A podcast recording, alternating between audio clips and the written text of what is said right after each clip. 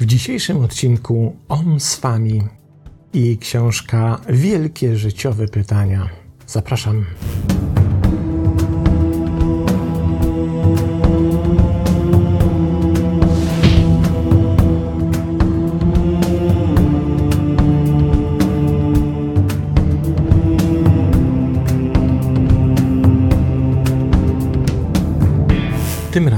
Wspólnie wybierzemy się na krótką wycieczkę do Indii, gdzie poznamy bohatera naszej dzisiejszej książki, pana, który nazywa się Om Swami i który w Indiach jest obecnie niezwykle popularną postacią, o którym się mówi, o którym się dyskutuje, o którym się kręci filmiki na YouTubie, którego książki sprzedają się w absolutnie nieprawdopodobnych ilościach, ale zanim dojdziemy do niego i do książki, musimy sobie jeszcze opowiedzieć, o co chodzi z tym Swami, bo ten facet się naprawdę nazywa Om Swami. To jest jego rzeczywiste nazwisko. Otóż Swami w Indiach ma wiele różnych znaczeń. Jednym z takich najbardziej podstawowych znaczeń to jest po prostu forma grzecznościowa Pan. Jeśli chcemy się do kogoś zwrócić pełni szacunku, to mówimy właśnie per Swami. Ale oprócz tego Swami ma również znaczenie nauczyciela mistrza i używa się go, tego terminu bardzo często, pokazując relacje pomiędzy mistrzem a jego uczniami, nauczycielem a uczniami, i wtedy używa się takiej terminologii swami dla mistrza i sanyasin dla ucznia. I to zestawienie swami i sanyasin jest dość szczególne, ponieważ swami jest mistrzem dość określonego rodzaju. Otóż takim mistrzem, który uznaje, że obecność uczniów w jego życiu jest tylko na chwilę. Dlatego, że uczniowie mają pobrać nauki, by wzrastać i opuścić swojego mistrza, stając się mistrzami. A zatem, kiedy Swami do swoich uczniów wypowiada słowo mój sanyasinie czy moi sanyasinowie, to w tym jest pełen szacunek dla przyszłych mistrzów.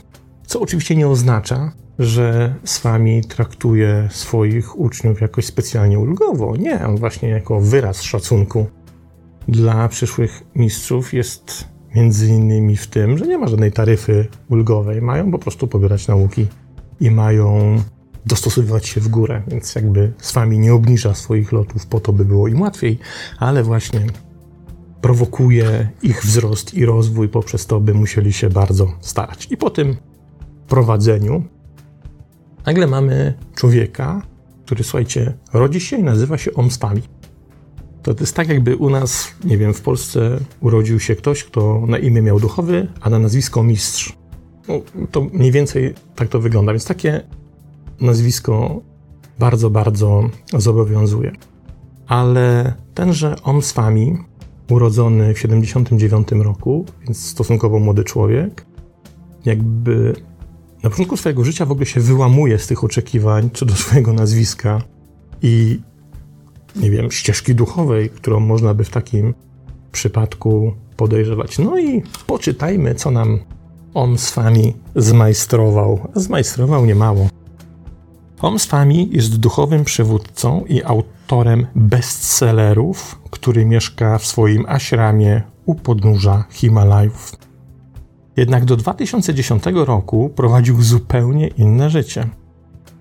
Urodził się w 79, a już w 2000 ukończył zarządzanie biznesem na Uniwersytecie Sydney w Australii oraz MBA na Uniwersytecie Technologicznym również w australijskim Sydney. I teraz robi się ciekawie. Założył startup programistyczny w Australii, który później rozszerzył swoją działalność również na USA i Kanadę i potrzebował niespełna 10 lat w tej swojej programistycznej firmie, by zarobić 250 milionów dolarów. Stał się po prostu milionerem, bardzo rozpoznawalnym na rynku IT. Następnie wrócił do Indii, by po cichu, nie niepokojony przez nikogo, zrezygnować z dotychczasowego życia, z tych wielu, wielu milionów dolarów i wyruszyć w swoją duchową podróż. I oto w małej wiosce pod Varanasi został inicjowany przez świętego Naga na ścieżkę wyrzeczenia. Spędził w tej wiosce prawie 5 miesięcy, nieustannie medytując, po czym ruszył dalej w Himalaje, gdzie spędził kolejne 13 miesięcy w całkowitej izolacji i samotności.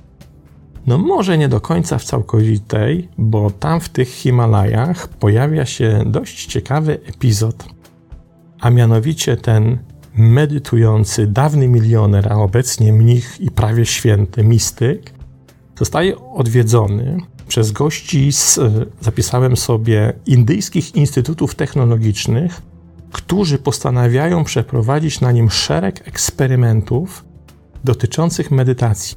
Dlaczego wybierają tego gościa? Bo nasz kolega Om Swami siedzi codziennie w medytacji po 20 godzin. W dwóch setach po 10. Śpi tylko 4 godziny. I to jest, nawet jak na Indię, tak niezwykła rzecz, że naukowcy postanowili wykorzystać taką okazję. No macie gościa, który kilkanaście miesięcy codziennie po ileś godzin siedzi i medytuje i go zbadać. I wyniki tych badań ukazały się w 2019 roku. Więc można do nich sięgnąć i zobaczyć.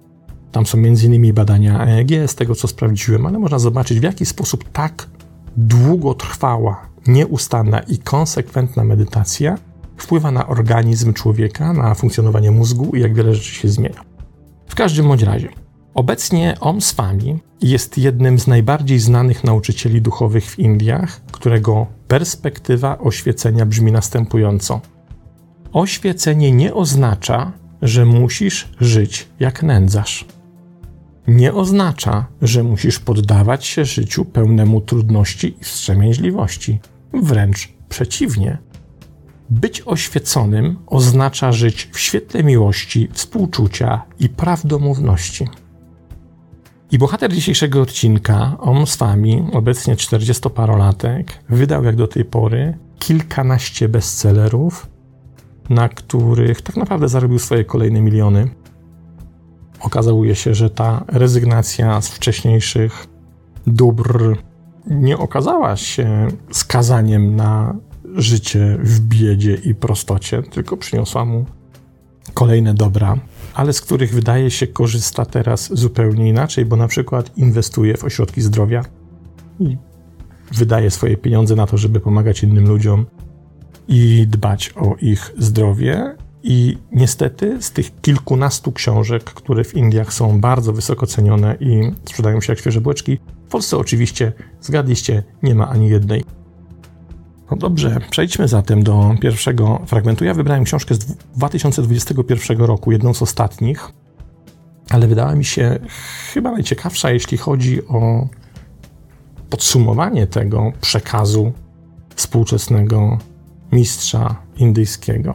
No i oto, co ma nam do powiedzenia. Książka zawiera wiele różnych anegdot i dygresji, czyli jest dokładnie taka, jaką spodziewamy się po mistrzu duchowości. Przeczytajmy pierwszy fragment.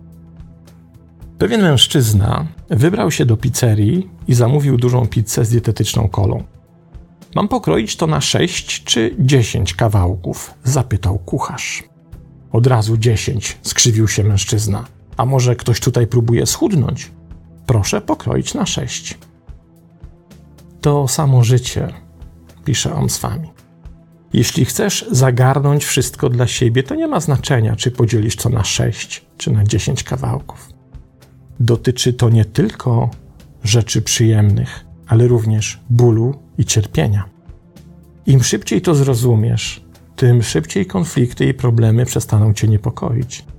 Ból jest nieunikniony, cierpienie jest opcjonalne. Strata jest nieunikniona, ale smutek już nie. Śmierć jest pewna, a życie, cóż, życie nie jest pewne.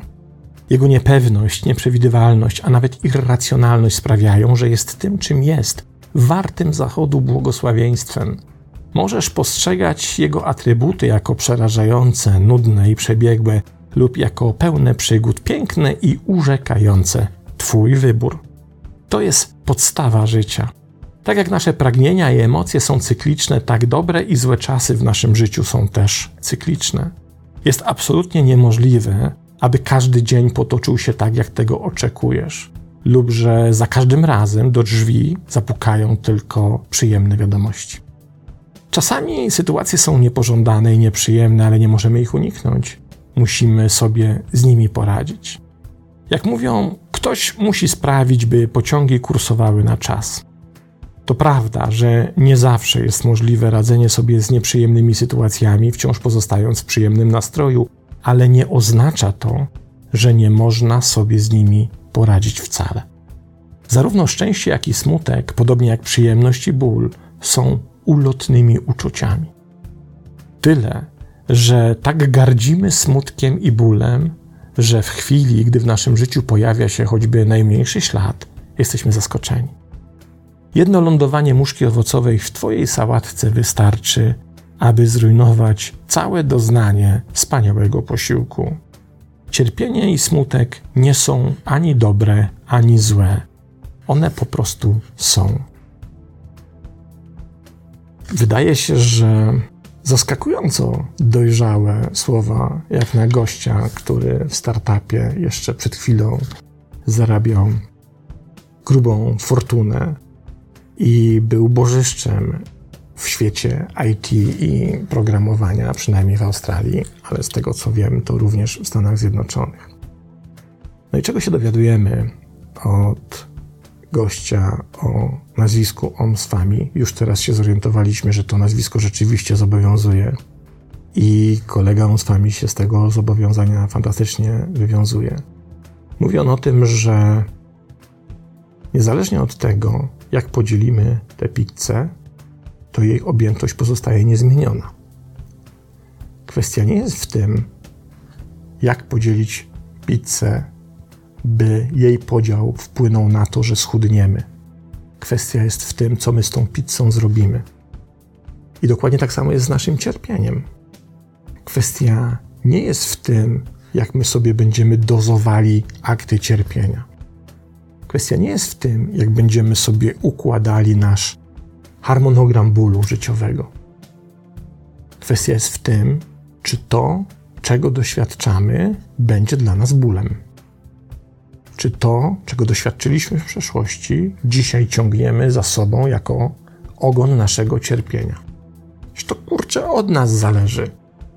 Czy zjemy tę pizzę pełną bólu i cierpienia, czy też będziemy szukali jakichś iluzorycznych wyjść, wmawiając kucharzowi, że jak ją podzieli w inny sposób niż do tej pory lub nam się to proponuje, no to ona zmieni swoje właściwości. Nie, nie zmieni swoich właściwości. Cierpienie jest cierpieniem. Od ciebie zależy, czy cierpisz. Wszyscy mamy za sobą jakieś doświadczenia bólu, jakieś rzeczy, które się wydarzyły w naszym życiu złe. Nie da się tego cofnąć jak na razie, a przynajmniej nic mi nie wiadomo, żeby wymyślono wehikuł czasu, za pomocą którego możemy wrócić do przeszłości i sprawić, by to, co tam się wydarzyło, się nie wydarzyło. To jest element naszej tożsamości. Ale to od nas zależy, czy te przeszłe wydarzenia będą dalej przyczynami naszego bólu i cierpienia, czy też po prostu już się nacierpieliśmy, jest to za nami i kurczę, wystarczy to cierpienie już było. Po cholerę je roztrząsać, po cholerę to cierpienie powiększać. Po co je kroić na różne kosteczki? To nic nie da. Ono, ono nie przestaje być cierpieniem. I to jest jedna z głównych idei, którą właśnie poznaliśmy dzięki Omstamiemu. Przeczytajmy dalej. Mam nadzieję, że Was zaintrygowało. Kolejny fragment. Pewien bogacz podchodzi do swojego Bentleya na parkingu i stwierdza, że przednie reflektory są stłuczone. A do tego na zderzaku jest spore wgniecenie. Zirytowany na próżno rozgląda się dookoła, aby zobaczyć, czy sprawca jest w zasięgu wzroku. Po chwili z ulgą zauważa, że pod wycieraczką znajduje się list. Bogacz bierze papier do ręki i czyta, co następuje. Przepraszam, że przywaliłem w twojego Bentleya. Niektórzy ludzie w pobliżu kiwają teraz głową i uśmiechają się do mnie, ponieważ myślą, że zostawiam ci właśnie na tej kartce swoje imię i inne szczegóły, żeby moje ubezpieczenie pokryło szkodę. Ale nie zostawiam. Chciałem Cię wyłącznie przeprosić. I tak jest z życiem. Wydaje się, że bez naszej bezpośredniej winy czasami nasza teraźniejszość okazuje się inna niż to, co sobie wyobrażaliśmy przez cały czas. I łudzimy się, że życie sprezentuje nam pewną wskazówkę, jak to naprawić. Ale tak się nie dzieje. Przeszłość się wydarzyła. Nikt nie ma zamiaru cię za nią przeprosić. Możesz rozpamiętywać krzywdę na okrągło, ale możesz też skorzystać z innego wyjścia. Na przykład jednym ze sposobów na ominięcie przeszłości żalu jest nadanie sensu swojemu życiu. Kiedy już odkryjesz sens, cel swojego życia, nie pozostaniesz już starym ja. Nowy ty rodzi się wtedy w tym samym ciele. Dużo łatwiej jest się pozbyć starych tendencji, ponieważ nowo odkryte znaczenie staje się Twoją przewodnią siłą, Twoją siłą napędową. I kolejna wskazówka od współczesnego duchowego mistrza Swamiego, który mówi: Zobacz, kiedy odnajdziesz w życiu swój cel, swoją misję, swoją powinność, to sam akt odnalezienia tych rzeczy spowoduje, że zaczniesz sobie radzić z traumami przeszłości w zupełnie inny sposób. Co tam jest pod spodem? Jaki jest przekaz w tym zdaniu? Odwróćmy to i przyjrzyjmy się temu, co naprawdę ten cwaniak nam powiedział. Mówi nam tak: jeśli roztrząsasz przeszłość, jeśli żyjesz traumami przeszłości, to najprawdopodobniej czynisz tak, ponieważ jeszcze nie odnalazłeś prawdziwej misji, prawdziwego celu swojego życia. Bo gdyby to nastąpiło, te traumy przeszłości, to co roztrząsasz, całe Twoje cierpienie, nie byłoby już dla Ciebie tak dominującym źródłem emocji obecnie, jak jest. Jeśli nie wiemy, co z sobą zrobić, jeśli nie mamy pomysłu na siebie, jeśli nie wiemy, gdzie się udać, nie wiemy, do czego zostaliśmy przeznaczeni, do czego jesteśmy predestynowani, no to chwytamy się przeszłości, chwytamy się cierpienia, chwytamy się tych wszystkich rzeczy, które ciągniemy za sobą jako ten bolesny spadek po minionych czasach, bo nie mamy niczego innego w zamian. A kiedy znajdujemy coś w zamian, kiedy nagle odkrywamy, czym się powinniśmy w życiu zajmować, co chcemy robić, co nas kręci, co jest naszą pasją, to nagle się okazuje, że te wszystkie rzeczy, które do tej pory nas powstrzymywały, blokowały i pochodziły z naszej przeszłości, nie mają już takiego znaczenia. Nie oznacza, że zniknęły. To nie jest tak, że ktoś je wymazał, że za pomocą magicznej gumki udało się je wykreślić z naszego życiorysu. Nie, one tam dalej są, ale przestają na nas wpływać. Cudowna idea. Znajdź misję, przestaniesz cierpieć. Znajdź powinność, przestaniesz się męczyć. Znajdź cel, a to, czego doświadczasz i ciągniesz za sobą, przestanie ci w życiu dokuczać. Chciałoby się powiedzieć: Wow, fantastyczne. No to następny fragment. Kolejne jest, uwaga, coraz mocniej. Świat nie będzie nas pamiętał za to, co zachowaliśmy dla siebie, ale za to, co rozdaliśmy. Nie będziemy uznani i obdarowywani zaszczytami za to, co moglibyśmy zrobić, ale za to, co naprawdę zrobiliśmy, nie jesteśmy szanowani za nasz potencjał, ale za nasze działanie. Nie jesteśmy cenieni za intencje, które mamy, ale za rezultat, który osiągamy. Nie czujemy się dobrze z powodu tego, co możemy zrobić, ale z powodu tego, co faktycznie zrobimy. Postawa duchowa zasadniczo oznacza, że nie zawsze stawiamy siebie w centrum naszych decyzji i działań. Może nie zawsze musimy szukać tego, co ma być przeznaczone wyłącznie dla nas samych. Dlaczego każde nasze wielkoduszne działanie musi być odwzajemnione? W końcu, jeśli jest naprawdę bezinteresowne, to niech po prostu będzie bezinteresowne. Jasne, że można oczekiwać miłości w zamian za miłość. Normalne jest pragnienie uznania naszych wysiłków lub uznania naszych talentów i pracy. Przyjaźnie i relacje rozwijają się, gdy ludzie odwzajemniają się w naturze. Jednak duch służby to zupełnie inna sprawa. Służba nie oczekuje niczego w zamian, bo prawdziwa służba wymaga absolutnej bezinteresowności, czegoś nawet wykraczającego poza altruizm, ponieważ w służbie punktem odniesienia nie jest to, czy jesteś uznany, czy wyjątkowy. Zamiast tego, Twoim celem jest poświęcenie wszystkiego, co masz, aby służyć sprawie, która jest dla ciebie ważna. I wtedy życie zaczyna nabierać zupełnie nowego wymiaru, zupełnie nowego sensu. Jakby ten wektor koncentracji naszej życiowej uwagi przekierowuje się w zupełnie inne miejsce. Zaczynamy angażować się w rzeczy, które na bardzo głębokim, uczciwym, wręcz źródlanym poziomie uznajemy za najlepsze dla nas, najbardziej wartościowe, i wszystko inne przestaje mieć aż takie znaczenie. Chciałoby się powiedzieć, życie zaczyna smakować. Budzisz się rano i to, czego doświadczasz, jest smaczne. Mimo tych wszystkich problemów, które mamy, mimo różnych przeciwności losu, jest ok. Jest coś fantastycznego, rewelacyjne uczucie. A co się dzieje po drugiej stronie, kiedy nie doświadczymy tego zaangażowania w to, do czego jesteśmy predestynowani? Z wami mówi: uważaj, bo po drugiej stronie nie ma braku zaangażowania. Nie ma braku misji. Jest coś wielokrotnie groźniejszego. Jest samotność. Posłuchajmy zatem o samotności. Samotność jest tym, czego doświadczasz, gdy czujesz się całkowicie pozbawiony celu w swoim życiu. Gdy wszystko wydaje ci się bezcelowe, nawet na krótką chwilę. Niezwykłe jest to, jak coraz więcej ludzi jest nękanych uczuciem intensywnej samotności. Wtedy samotność staje się koszmarem, w przeciwieństwie do duchowej samotności, która prowadzi do wyzwolenia. W zwykłej samotności po prostu płyniesz ze swoimi myślami i uczuciami, które często są negatywne, gdy nie są kontrolowane.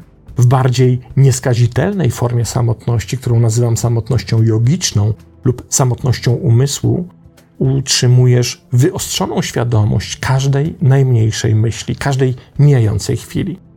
Zaczynasz uświadamiać sobie, że naprawdę jesteś nienarodzony, nieumarły, czysty, że jesteś poza starzejącym się ciałem, z którego korzystasz, lub gadającym umysłem, z którego również jedynie korzystasz.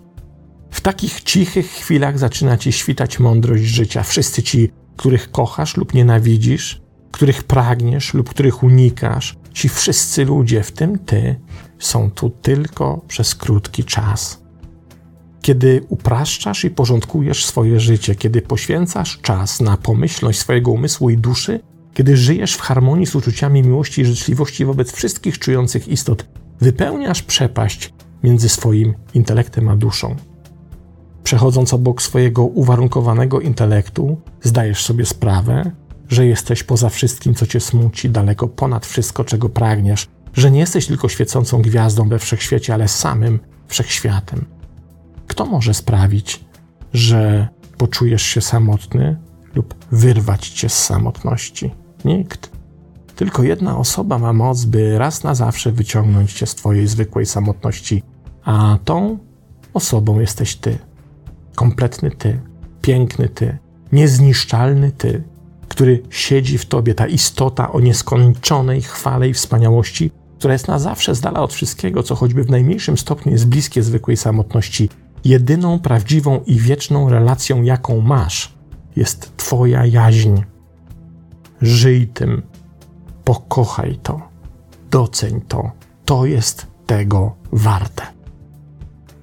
Piękne słowa, na których właściwie moglibyśmy skończyć, ale kusi mnie jeszcze jeden fragment. No to posłuchajmy, bo pojawia się w nim nieśmiertelny i nasz oczywiście ulubieniec Muła Nasruddin i jego opowieść. Posłuchajcie. Muła Nasruddin świętował swoją 50. rocznicę ślubu z wielką pompą. Kiedy jego przyjaciele zapytali go, jaka jest najwspanialsza rzecz, jakiej nauczyłeś się w małżeństwie Muła?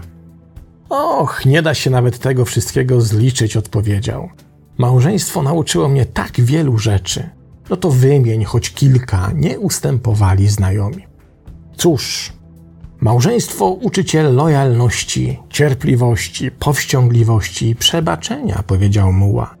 Uczy cię, jak słuchać, kiedy być cicho, jak się zachowywać, a jak nie, oraz wielu innych wspaniałych rzeczy, których w ogóle byś nie potrzebował, gdybyś się nie ożenił. W momencie, gdy zaczynamy postrzegać życie jako coś, z czym płyniemy, a nie coś, co musimy zrobić, pisze Om Swami, nasza perspektywa naturalnie się zmienia. Niepotrzebna walka schodzi na dalszy plan i stajesz się coraz bardziej świadomy tego, gdzie musisz się poddać, a kiedy powinieneś przejąć dowodzenie. Nie tworzymy oceanów, gór ani rzek. Nie tworzymy słońca, chmur ani deszczu. Po prostu dajemy świadectwo majestatycznemu stworzeniu wokół nas. Teksty joginów stwierdzają, że każdy z nas ma w sobie cały wszechświat. Biblia również mówi, że Królestwo Boże jest w nas i to Królestwo, ten wszechświat naszego wewnętrznego świata, ma całą gamę miejsc, od przepięknie pięknych po nieznośnie bolesne. Są ciemne lasy strachu, bagna rzeczywistości negatywnej, gnijące drzewa ego, kaktusy zazdrości, pnącza chciwości, bagno pragnień i śmierdzące pozostałości nienawiści. Nie jesteśmy kawałkiem gliny, którą trzeba ulepić, ani skałą, która wymaga rzeźbienia. Może jesteśmy tylko darem od wszechświata, maleńkim ziarenkiem, które czeka na wykiełkowanie. Być może potrzebujesz tylko odrobiny pielęgnacji, trochę opieki i najpierw pojawisz się jako delikatne drzewko, a później jako gigantyczne drzewo obładowane owocami miłości i dobroci. W końcu wszystko już w tobie jest, tylko czeka na odkrycie. Rzeka życia płynie niezależnie od preferencji, niezależnie od tego, czy płyniesz, czy toniesz. A to, czy pływasz, czy toniesz, to Twój osobisty wybór. Książka z 2021 roku Om Swami. Wielkie życiowe pytania. No i cóż można powiedzieć? To, że wciąż na świat przychodzą tego typu swami, tego typu mistrzowie w naszych czasach. Może jest dla nas jako ludzkości jeszcze nadzieją. Bardzo, bardzo polecam autor kilkunastu książek bestsellerów w Indiach Om Swami. Tyle. Pozdrawiam i do następnego razu.